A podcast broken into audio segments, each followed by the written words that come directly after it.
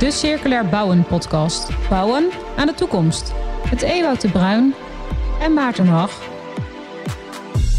Van harte welkom bij aflevering 7 van de Circulair Bouwen podcast van het transitieteam Circulaire Bouweconomie.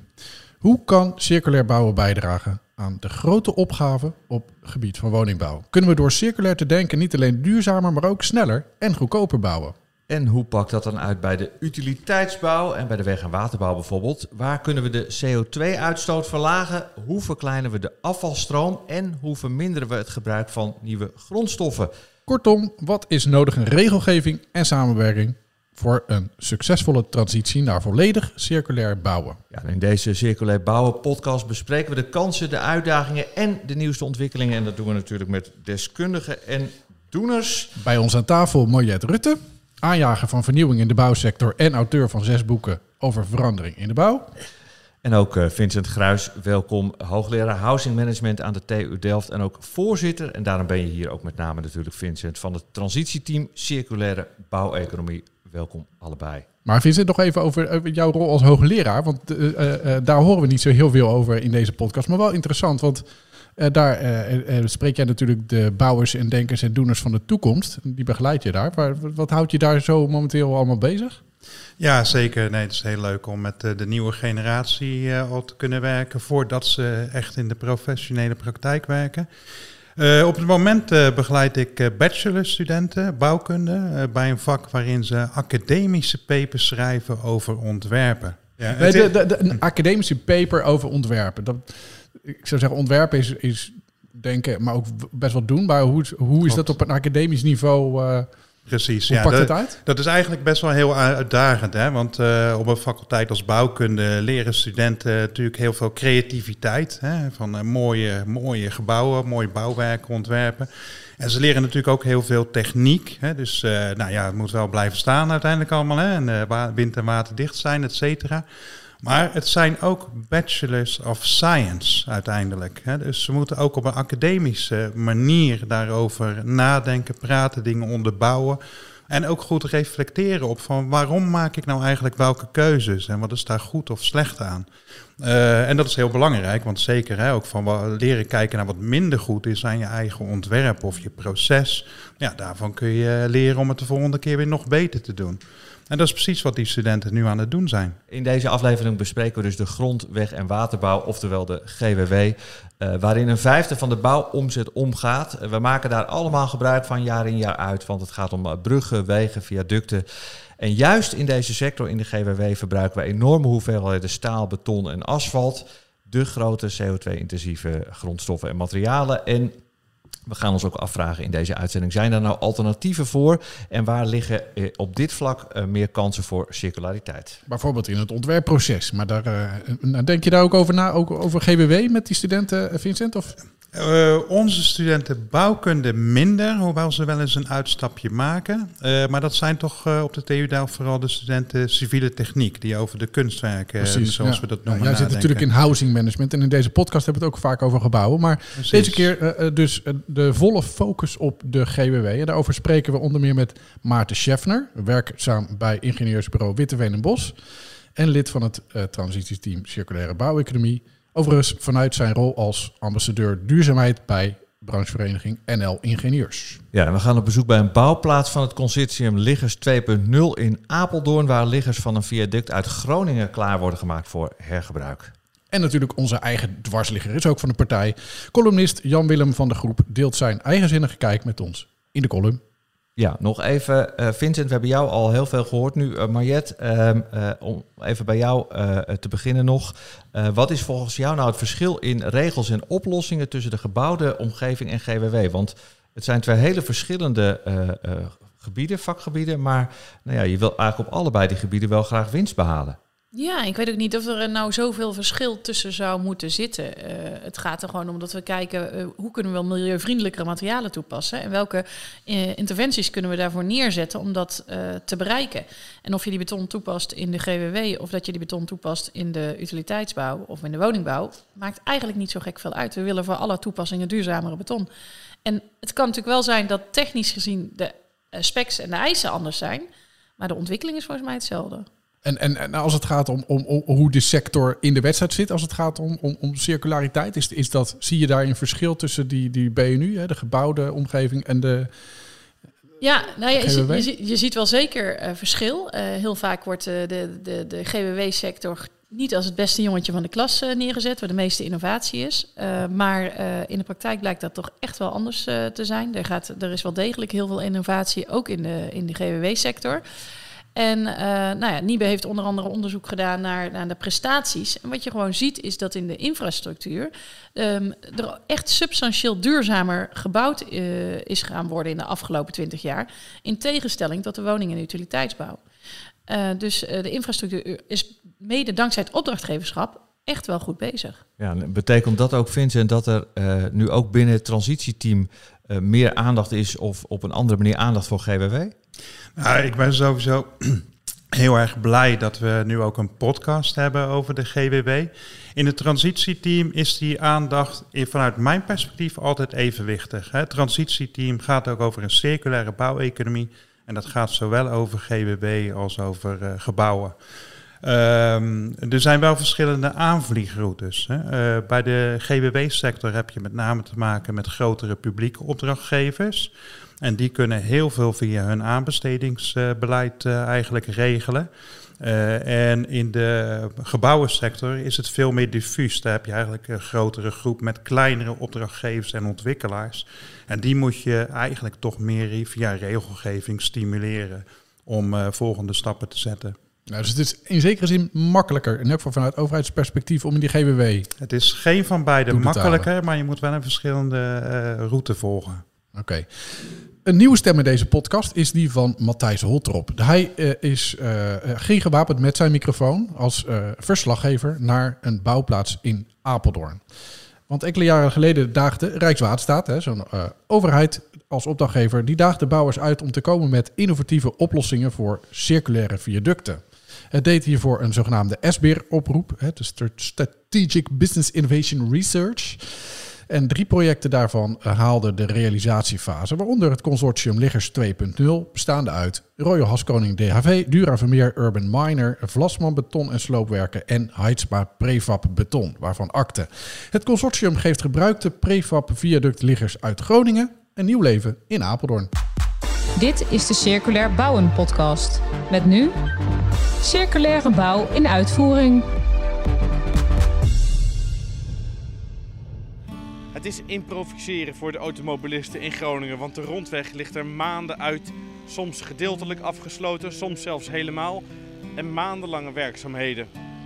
Maar profijt hebben ze er ook van in Apeldoorn. Ja, we staan hier eh, bij de geoogste liggers. En die liggers eh, die zijn, eh, komen uit de kunstwerken in Groningen.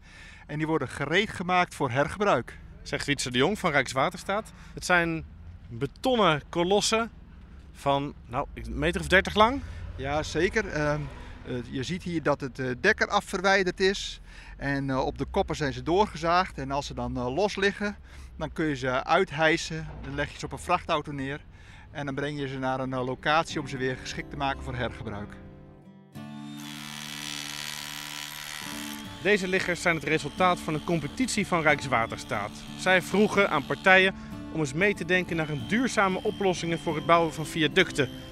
Er kwamen 32 plannen, 10 daarvan waren de beste en drie consortia mogen een eigen prototype gaan bouwen.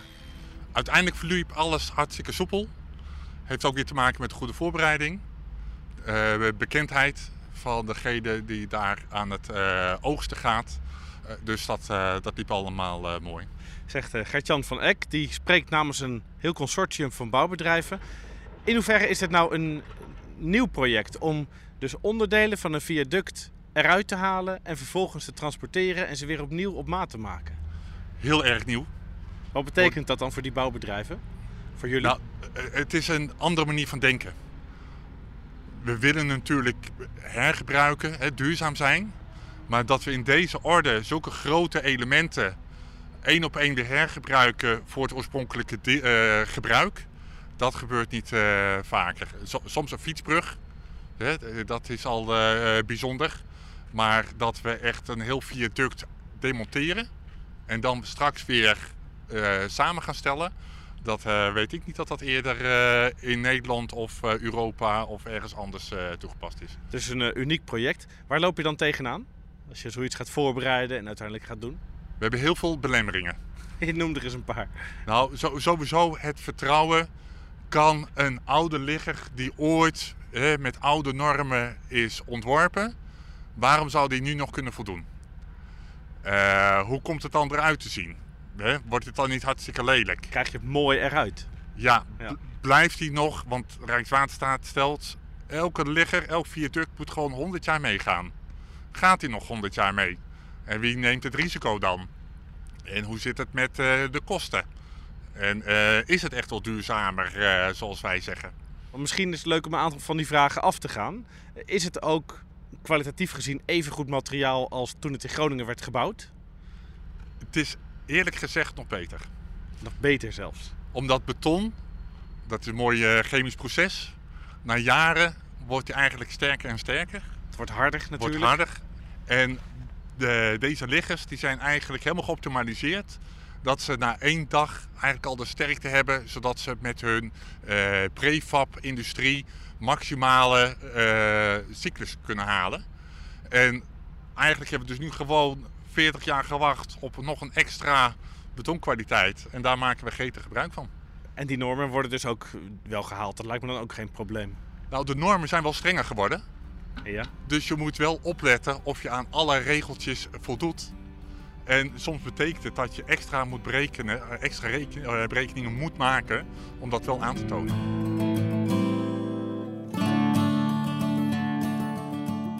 We hebben aanbiedingen gehad van boomstammenbruggen, windmolenwieken, composieten. Allemaal hele mooie, gedegen, goede plannen, uitgenutte ontwerpen. eh, ja, allemaal, allemaal prachtig. En dan grijpen we terug op zoiets ouderwets als beton.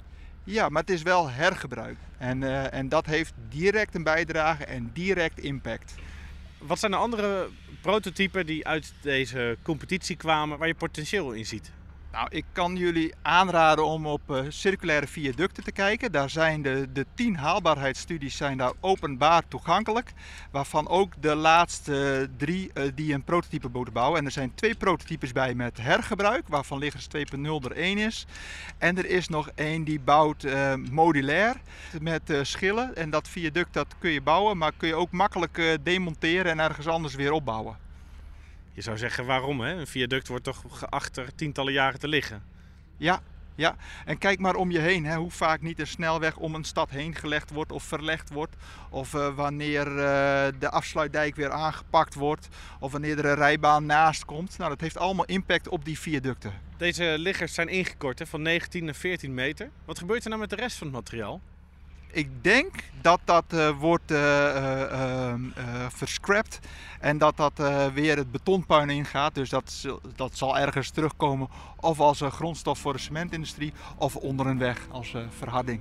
Dat is dan toch een beetje het afval van het project. Dat is dan toch wel het afval. Het is niet hoogwaardig hergebruik, laat ik het zo zeggen. Ja. Wordt toch een heel creatief beroep zo hè, dat eh, wegen- en waterbouw. Heel leuk. Ja, het is in beweging. Is het werk leuker geworden hierdoor? Ja, is eh, nieuwe mogelijkheden, dat je elkaar nodig hebt. Dat versterkt de band tussen alle partijen. En tot nu toe hebben we ook heel veel medewerking gehad van alle bedrijven die hun bijdrage hebben geleverd. En dat is heel leuk.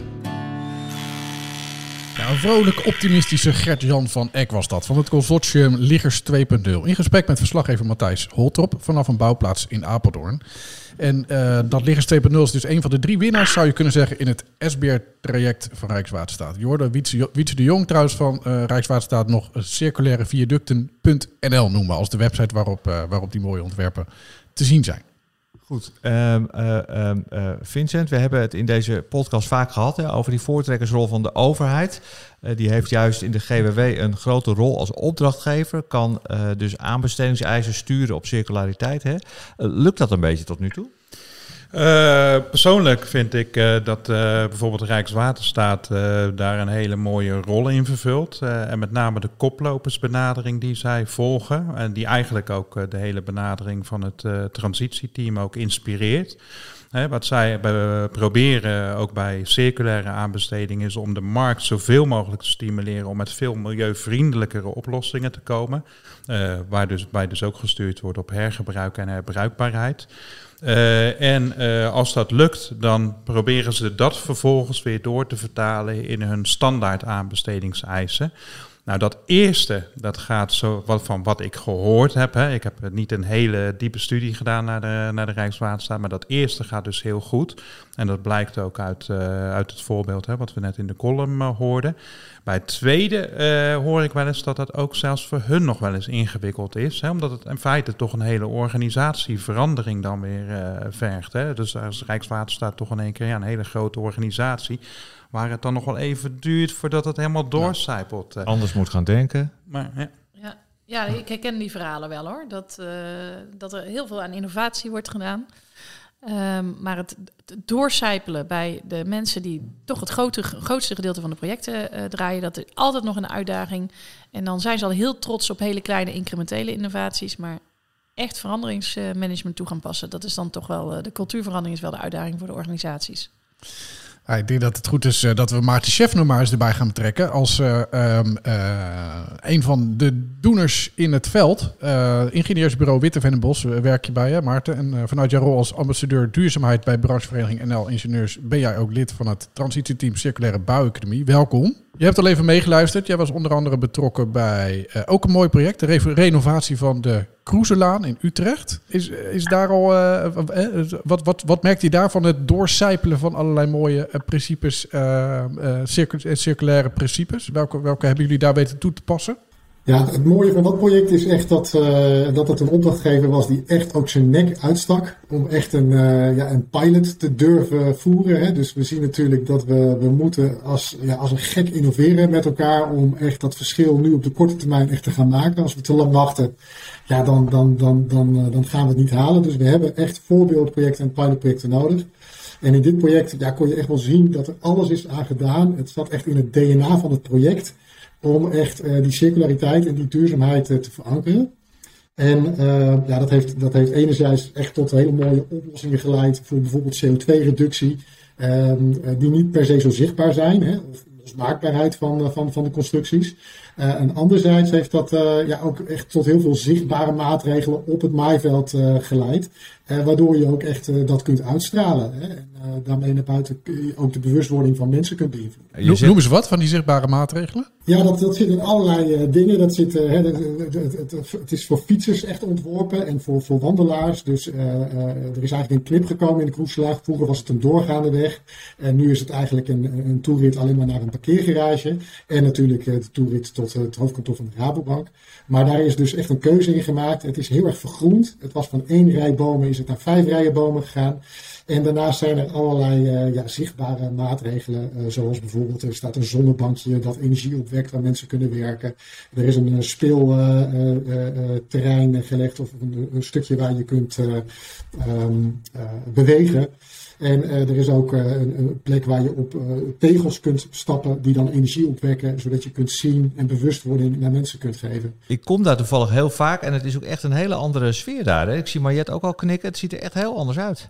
Ja, zeker. Ik kom er ook vaker. Dus de zichtbare maatregelen die zijn in ieder geval heel leuk en inspirerend voor mensen. Want je, je, bent ook van de marketing, hè Mariette?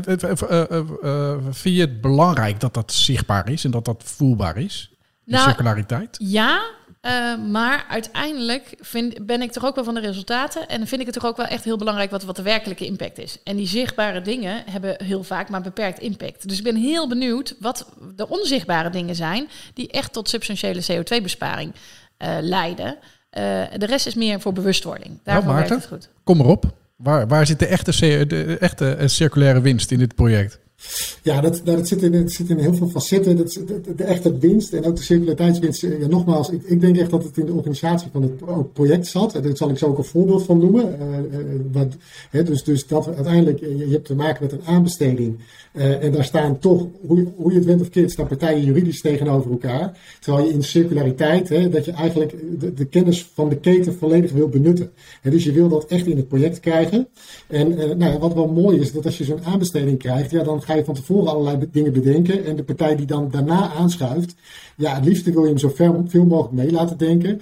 Nou, en voor zover dat, die dat niet kan, moet hij wel, moet hij wel die, die, diezelfde ambitie hebben. Nou, en was bijvoorbeeld, er kwam dan een scopewijziging. Hè, de klinkers die de aannemer had aangeboden, dat bleek na gunning toch niet te kunnen. Uh, en die waren dan demontabel. Uh, en toen, ja, toen bleek eigenlijk vanwege geluidsoverlast, na gunning, dat dat dan toch asfalt moest worden. Demontabele klinkers? Dat is de, dat, Iedere klinker is volgens ja, mij demontabel. Ja, toch? Maar... ja, precies. Nee, dus dat, uh, dat klopt. Uh, goed, en uiteindelijk kwam de aannemer na gunning zelf met een oplossing dat hij zei, hè, normaal gesproken zou je in de cultuur hebben van, nou ja, dat is dan een scopewijziging, dus dat is dan meer werk. En hier zei de aannemer van, nou ja, nee, dit is het meest circulaire en duurzame project van Utrecht. We willen nu ook echt meedenken hoe we die milieu-impact zo laag mogelijk kunnen houden. Uh, uh, ondanks dat we toch dit, die scope moeten wijzigen. En toen kwamen ze met de oplossing van een uh, asfalt. Wat in Nederland nog nooit op wegen was toegepast. Dat is een hele flexibele asfaltlaag. Waarin ze eigenlijk een drie keer zo lange levensduur konden garanderen. Echt een innovatie. en waarmee toch, ja, toch eigenlijk dat, echt dat, dat, dat duurzame verhaal door kon gaan. Zonder dat er hele grote scopewijzigingen kwamen. Ja, die, die vind ik dus heel leuk. En waar ik dan wel benieuwd naar ben, is uh, meet je dan ook resultaten en deel je die dan ook met de sector? Ja, zeker. Dit, dit, dit zijn allemaal uh, proefstroken ook geweest rond, rond die epoxybitumen. Kijk, het, wat, wat, waar, waar, je wel mee te maken hebt, en dat, dat, we hebben hele mooie voorbeelden op dit moment in de GWW van, van, van allerlei projecten die op bepaalde indicatoren heel erg goed scoren. Uh, maar waar je natuurlijk wel tegenaan loopt, is als je op de ene heel goed scoort, uh, dan, dan wil dat niet zeggen dat het uh, over de breedte altijd op alle aspecten duurzaam is. En zo geldt dat bijvoorbeeld ook voor epoxybitumen. Hè. Daar zit toch nog wel lijm in, hè, dus dat heeft allerlei voordelen dat het veel langer meegaat. Nou, we willen graag dat producten lang meegaan, want dan heb je minder snel afval, zou ik maar zeggen. en aan de andere zijde heb je hier ook wel weer te maken dat, ja, dat er wel wat lijm moet toegevoegd worden. Nou, dat zie je bijvoorbeeld ook bij biocomposiete bruggen. Er zijn ook een aantal hele mooie voorbeelden van. Hè. Bijvoorbeeld uh, in Rutsenmassiel in Friesland, waar de eerste um, uh, brug is gemaakt die um, in het wegennet zit van een biocomposiet. Nou, dat zijn echt hele mooie voorbeelden waar een, in dit geval een provincie zich echt de nek heeft uitgestoken om een circulair ontwerp te maken. Maar ja, dat zijn wel stapjes in die transitie. Want als je dan bijvoorbeeld echt kijkt naar de MKI, dan zitten daar toch ook nog wel materialen in die we ook nog weer moeten verbeteren. Dus we hebben die pilots wel nodig. Maar het, is ook, het, het blijft een stapje in, uh, in, in, de goede richting. Maar als we, als we even focussen op dat epoxy bitumen asfalt. Is, is dat het asfalt van de toekomst? Gaan we dat, uh, is dat hoe we circulaire wegen moeten gaan aanleggen? Uh, of heeft het ook wel allerlei nadelen? Of is het niet overal toepasbaar? Hoe zit dat? Nee, dat is, dat is een goede vraag. Kijk, het, het, het, wat wel lastig is, is dat we um, dat, het, het rekenen aan CO2. Ehm, daar hebben we in Nederland niet echt heel goede afspraken dus je hebt wel allerlei uh, standaarden die we uh, hoog achten, zoals bijvoorbeeld het Greenhouse Gas Protocol, waar natuurlijk uh, wat, wat de basis daarvan is. Um, maar je ziet wel van, het, het, het, het is natuurlijk zo'n berekening, heel vaak kunnen wij berekeningen, nou in dit geval gaat het dan over infrastructuur, hè, maar dat geldt ook voor gebouwen. Je kunt, um, je kunt vaak dat als je een verschillende levensduur hanteert in je berekening, ja, dan kan zo'n zo, zo'n oplossing er heel goed of slecht uitkomen. Het is, is vooral, volgens mij moeten we in Nederland daar goede afspraken over maken. En als je dan echt wat dit verhaal even projecteert op die epoxybitumen. Um, het gaat lang mee. Hè? Dus het, het scoort um, goed. Um, uh, als je kijkt naar, uh, je hoeft minder vervangingen toe te passen bijvoorbeeld. He, dus daar scoort hij goed. En als je dan kijkt naar van, uh, uh, en dat vind ik wel een hele interessante, als je dus bepaalde plekken in Nederland hebt waar je denkt dat wegen niet vaak verplaatst hoeven worden, ja, dan is een lange kwalitatieve weg heel fijn. Uh, aan de andere kant, als je op plekken zit waar je bijvoorbeeld veel flexibiliteit nodig hebt, nou, dat is een interessante voor de binnenstad van Utrecht, want je kan daar verwachten dat daar misschien hè, in de toekomst, ik denk over een jaar of vijf of tien, als dat weer doorontwikkelt, dat je toch weer aanpassingen moet doen. Ja, dan kun je je afvragen, en dat is ook de discussie die wij letterlijk gehad hebben uh, met de gemeente hierover, kun je afvragen, is dat dan wel weer flexibel genoeg uh, in het kader van circulariteit? Ja, maar ja en, en we hebben natuurlijk bij circulariteit ook altijd de discussie: eh, ga je voor de lange termijn of voor de korte termijn? We hebben op korte termijn natuurlijk best wel een hoop uitdagingen op het gebied van uh, uh, CO2-uitstoot terugdingen, bijvoorbeeld. Mariette, hoe, hoe, kijk je er vanuit dat perspectief naar? Jij bent vaak van die korte termijn. nou ja, ik ben niet alleen van de korte termijn, maar we hebben inderdaad, wat je zegt, een heel groot probleem nu. wat we zowel volgens mij in de GWW doen, maar wat we in ieder geval in de BNU doen, is dat we vaak alle duurzaamheidseisen op één hoop gooien. En dan zeggen we, ja, we hebben een MPG en klaar.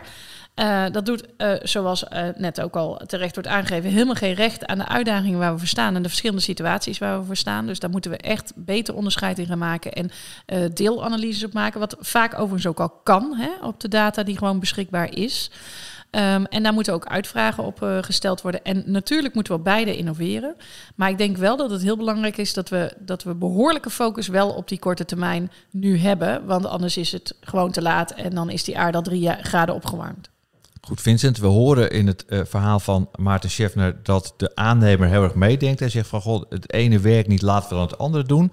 Ja, een, een soort zelfregulering uh, op mini-niveau. Is dat uiteindelijk ook waar we naartoe moeten? Of moet het gewoon veel harder in regels gegoten worden allemaal? Um, ik, ik, denk eh, zeker in dit stadium waar we nog aan het zoeken zijn naar de goede oplossingen, vind ik dat je niet te hard moet sturen op de oplossing, maar op het doel. dus ik vond het heel mooi in het voorbeeld van Maarten dat je zegt, ja, we houden wel het oog op de bal. En het gaat uiteindelijk om een betere milieuprestatie van wat we, wat we gebruiken in de bouw. Dus ja, als met het ene oplossing niet lukt, dan wijken we uit naar een andere oplossing. Maar ik vond het ook heel interessant wat Maarten zei: van stem je oplossing af op de verwachte levensduur en benodig de flexibiliteit.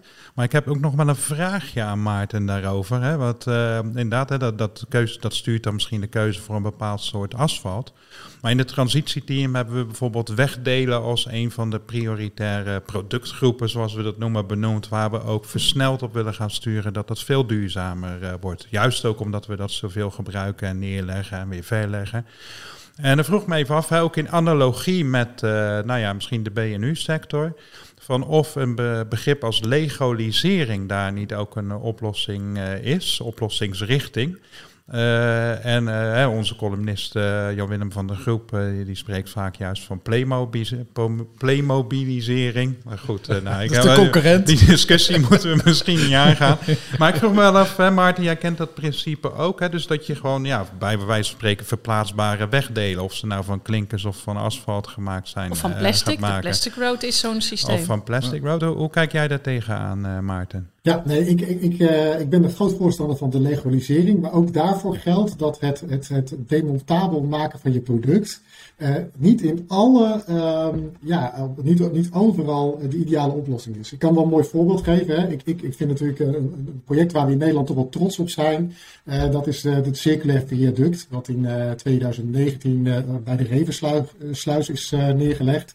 Hè, door Rijkswaterstaat, Van Hattem en Blankvoort heeft dat gebouwd. Ondertussen is die ook weer helemaal gedemonteerd. echt een mooi voorbeeld van een brug wat, uh, ja, wat, wat je helemaal uit elkaar kunt halen en dus her zou kunnen gebruiken.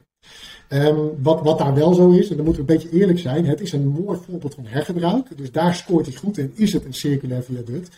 Maar als je de MKI-berekening maakt, hè, dus de milieu-impact over de hele levenscyclus van de materialen die in die brug, in die losse elementen hebben gezeten, ja, dan, dan is, is, zit daar wel meer milieu-impact in de losse delen dan dat je één slanke constructie zou, van scratch zou hebben ontworpen en je moet die brug moet je echt vier keer gaan hergebruiken in de toekomst voordat die een beetje in de buurt komt van die traditionele slanke constructie. Dan kan ik me ook voorstellen dat je uiteindelijk dan toch ook weer de discussie veiligheid versus duurzaamheid krijgt. Jazeker, nou dat is natuurlijk een discussie die, die altijd speelt. En helemaal ook in de GWW. Ik denk dat dat natuurlijk ook voor de BMU geldt. Maar kijk, in de, eh, voor veiligheid heb je echt um, uh, de maatschappelijke functie van onze kunstwerken, zoals wij dat noemen uh, in onze sector. Ja, die, die is natuurlijk enorm. Hè? Of dat nou waterkerende constructies zijn, of dat dat het, de economische functie van de transport op wegen is. Dat soort zaken. Dus veiligheid staat heel erg hoog. Je ziet dat ook aan de minister, die begint deze maand nog maar weer eens accentueren dat hij in 2030 een halvering van het aantal verkeersongevallen, uh, uh, verkeersdoden wil hebben op de Rijkswegen. Nou, en wij worstelen daar wel mee, want als we zien dat we gaan innoveren op, uh, op dit soort onderwerpen, ja, dan, dan lopen we daar tegenaan, tegen die, die veiligheid die we ingebouwd hebben. En ik denk dat dat ook een cultuur is die onder andere ook door de bouwfraude is, is, is ingegeven. Hè, toen hebben we natuurlijk een beetje een knauw daar gekregen en moest het, het aanbesteden moest natuurlijk beter. Nou, je ziet wel dat dat echt een beetje in die cultuur is verankerd van onze, van onze infraprojecten. Een lekker risicomijdend gedrag vertonen. Ja, precies. Tot slot nog even, want daar ben ik wel heel benieuwd naar. We hebben het nu een paar keer gehad over nou ja, de zelfregulering die in dit project Cruiselaan heeft plaatsgevonden. Jij werkt voor een uh, groot ingenieursbureau, spreekt ook heel veel aannemers, komt bij veel projecten. Is dit nou iets waarvan ook de aannemerij en de rest van de sector zegt, ja, dit gaan we wel oppakken? Of, of hebben ze misschien toch voor zelfregulering toch een soort setje nodig? Ik denk dat ze wel een setje nodig hebben. Ik moet echt zeggen dat, uh, dat ze willen echt heel graag. Um, en en, en het, conservatieve van aannemers is algemeen. Het is natuurlijk gewoon dat ze een groot risico hebben. Hè. Ik heb makkelijk praten als ingenieur of een adviesbureau. Hè. Wij, uh, wij geven ons adviezen. Maar ja, zij hebben natuurlijk een veel grotere cashflow met, uh, met hun materiaalgebruik. En zij, ja, zij hebben ook veel grotere risico's. En wat je ziet is dat zij echt wel heel graag willen. Uh, alleen ze hebben natuurlijk wel, ze willen heel graag meedenken in vroege fases. Nou, uh, het voorbeeld van het bouwteam werd al even genoemd. Ik, ik, denk dat als je echt naar duurzaamheid, naar circulariteit kijkt, dat het echt wenselijk is om ook die aannemers en ook beheerders echt in die bouwteams te gaan betrekken. Veel meer dat gaan doen. Uh, de praktijk wijst eerlijk gezegd ook wel uit dat het ook allerlei nadelen met zich meebrengt. Maar dat is, ja, dat is, ook, dat, uh, dat is inherent aan zo'n structuur. Um, ja, dat, dat voor nu niet, al te veel uitleg, denk ik. Ik denk dat in ieder geval voor circulariteit dat wenselijk is. En daar zijn ze ook naar op zoek. Dat willen ze graag. Nog even over die veiligheid. Bij mij blijft toch even het beeld hangen dat kennelijk in de GWW-sector het beeld leeft dat innoveren is niet veilig? Of, of, of, interpreteer ik dat nou verkeerd? Nou, ik kan wel wat voorbeelden noemen. Uh, even een voorbeeld. Als je naar de geleiderrail kijkt uh, langs uh, snelwegen dan zijn dat eigenlijk hele mooie, uit elkaar haalbare uh, constructies. Je kunt ze losschroeven en dan kun je ze hergebruiken. Dan kun je ze weer opnieuw verzinken en dan kun je ze hergebruiken. Ja, toch vanuit veiligheid en vanuit eigenlijk, wat we eigenlijk willen, is dat zo'n zo'n weg niet te lang afgesloten wordt. En er worden allerlei afspraken over gemaakt. En wat dus vaak gebeurt, is dat zo'n aannemer er niet de tijd krijgt om dat netjes uit elkaar te halen. Uh, en daarmee wordt het dus ja, laagwaardig omgesmolten, zeg maar. Dus je ziet eigenlijk dat dit, dit zijn hele kleine voorbeeldjes. Maar we moeten volgens mij ons als maatschappij afvragen van hoe ver gaan we nu met die veiligheid? Want dit zijn gewoon ja, gemiste kansen. En, en hoeveel veiligheidsverlies levert het nou eigenlijk op? Ja, en het is waarschijnlijk ook het economische verlies. Hè? Dat we zeggen, zo'n weg mag maar kort afgesloten zijn, want de economische schade. En dus kiezen we toch weer voor een soort korte termijn oplossing. Precies, want heel veel materialen gebruiken doet ook wat met de veiligheid van mensen in de zin van alle klimaateffecten. Uh, maar ja, die, die zijn uh, natuurlijk niet zo makkelijk uh, te meten als uh, een, een, ongeval bij een weg. Absoluut, de relatie is veel onzichtbaarder. Maar ik denk wel dat het iets belangrijks is om ons te realiseren dat we wel op, op, op een laatste dode op een snelweg kunnen bedenken. Maar er zijn al wel meer dan 100 miljoen mensen overleden aan klimaatverandering. Ja, ik zie Vincent ook als voorzitter van het transitieteam een paar dingen net opschrijven. Heb jij nieuwe inzichten gehoord of dingen die, waar je hard voor gaat maken? Nou ja, nee, het is natuurlijk heel mooi als we wel oplossingen vinden die van zeg maar maar uh, nou ja, conflicterende waarden uiteindelijk op zijn hoogst concurrerende waarden maken. Hè, dat je het toch uh, een beetje kan, uh, bij elkaar kan krijgen. Maar ik wilde ook nog wel even doorgaan op die aanbestedingsmethodiek. Hè. Bouwteam is denk ik zeker als je integraal moet zoeken naar oplossingen, is toch wel een vorm die aan te bevelen is.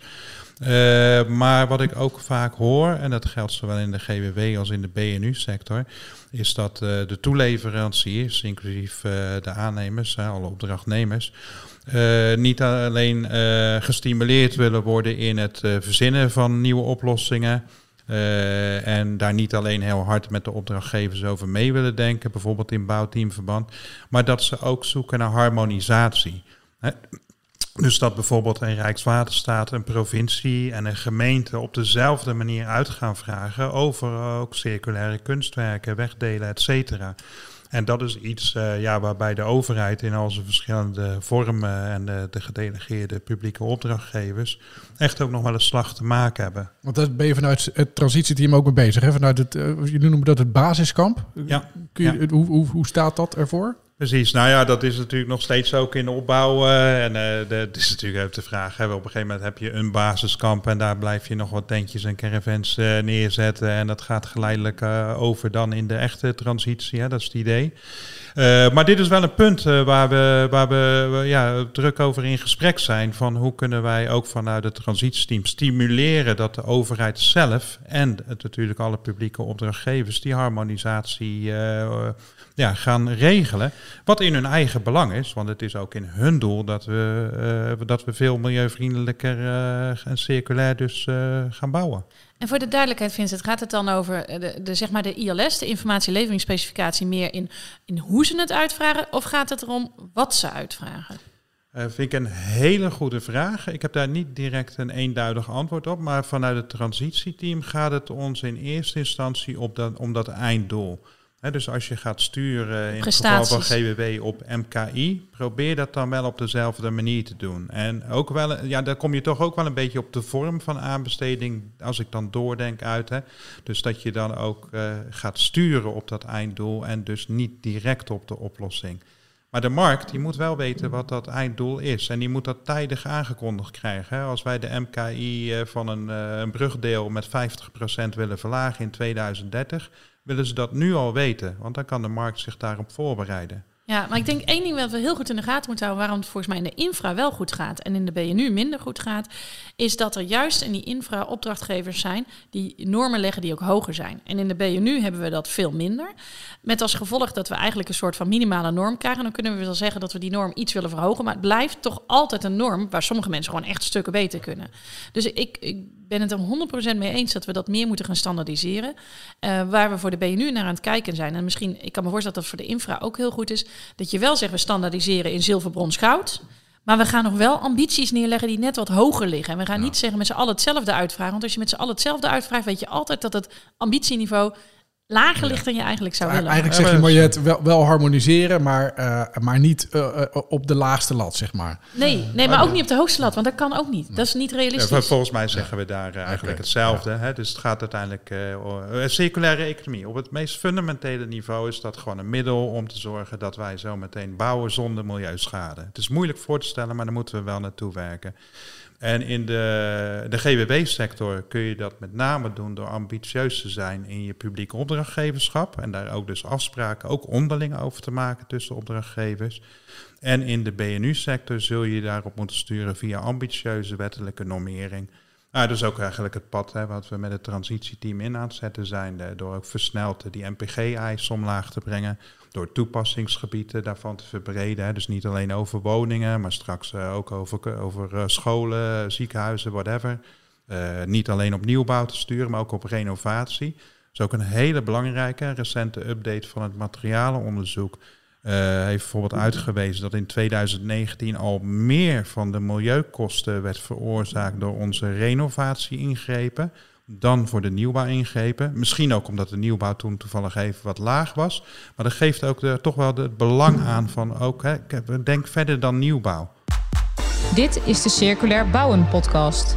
Met nu Circulair Bouwen volgens Jan Willem. De grond, weg en waterbouw. Het vakgebied waar ik ooit voor ben opgeleid, maar pas de laatste jaren weer mee in aanraking ben gekomen.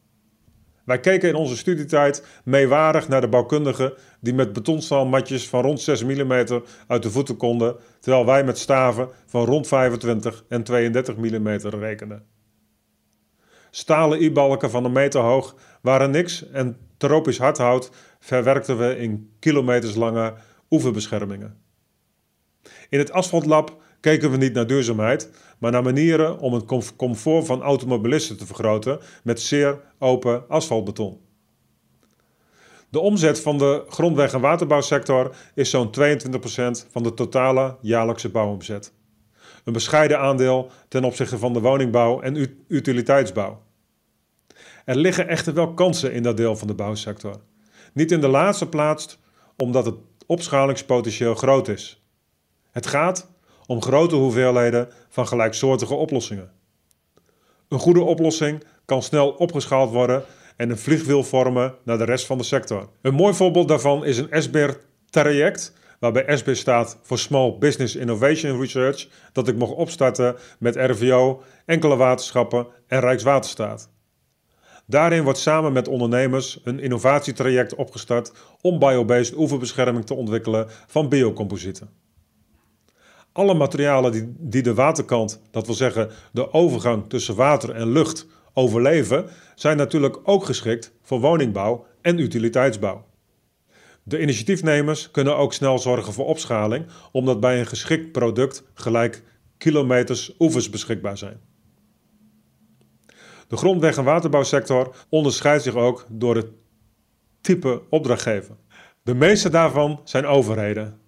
Overheden die duurzaamheid op beleidsniveau erg belangrijk vinden. Overheden ook die om die reden graag pilots en experimenten uitvoeren.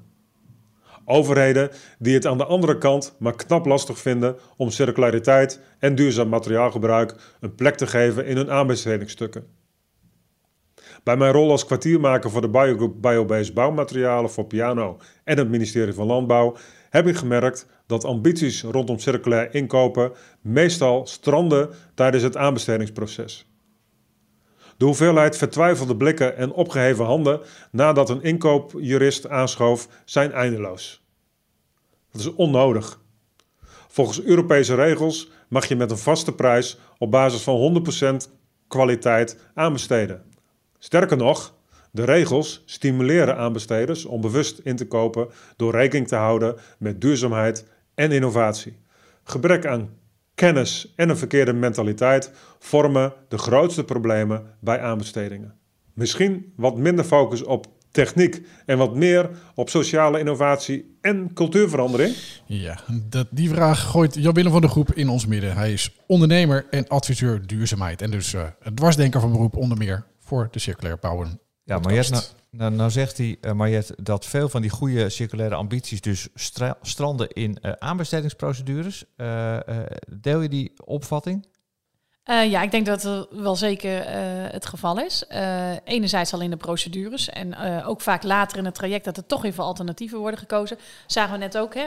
ondanks alle goede bedoelingen ehm, blijkt het toch echt lastig te zijn om al die circulaire oplossingen ja. daadwerkelijk toe te passen. Geen klinkers, maar toch asfalt. Nou, dan ja. komt er wel. En er kunnen hele goede ja. redenen voor zijn, maar we dat doorpakken, dat is best wel lastig. En ik heb ooit van iemand geleerd dat je aan een, aan een jurist nooit mag vragen, mag dit? Je moet altijd vragen, hoe kunnen we dit gaan realiseren?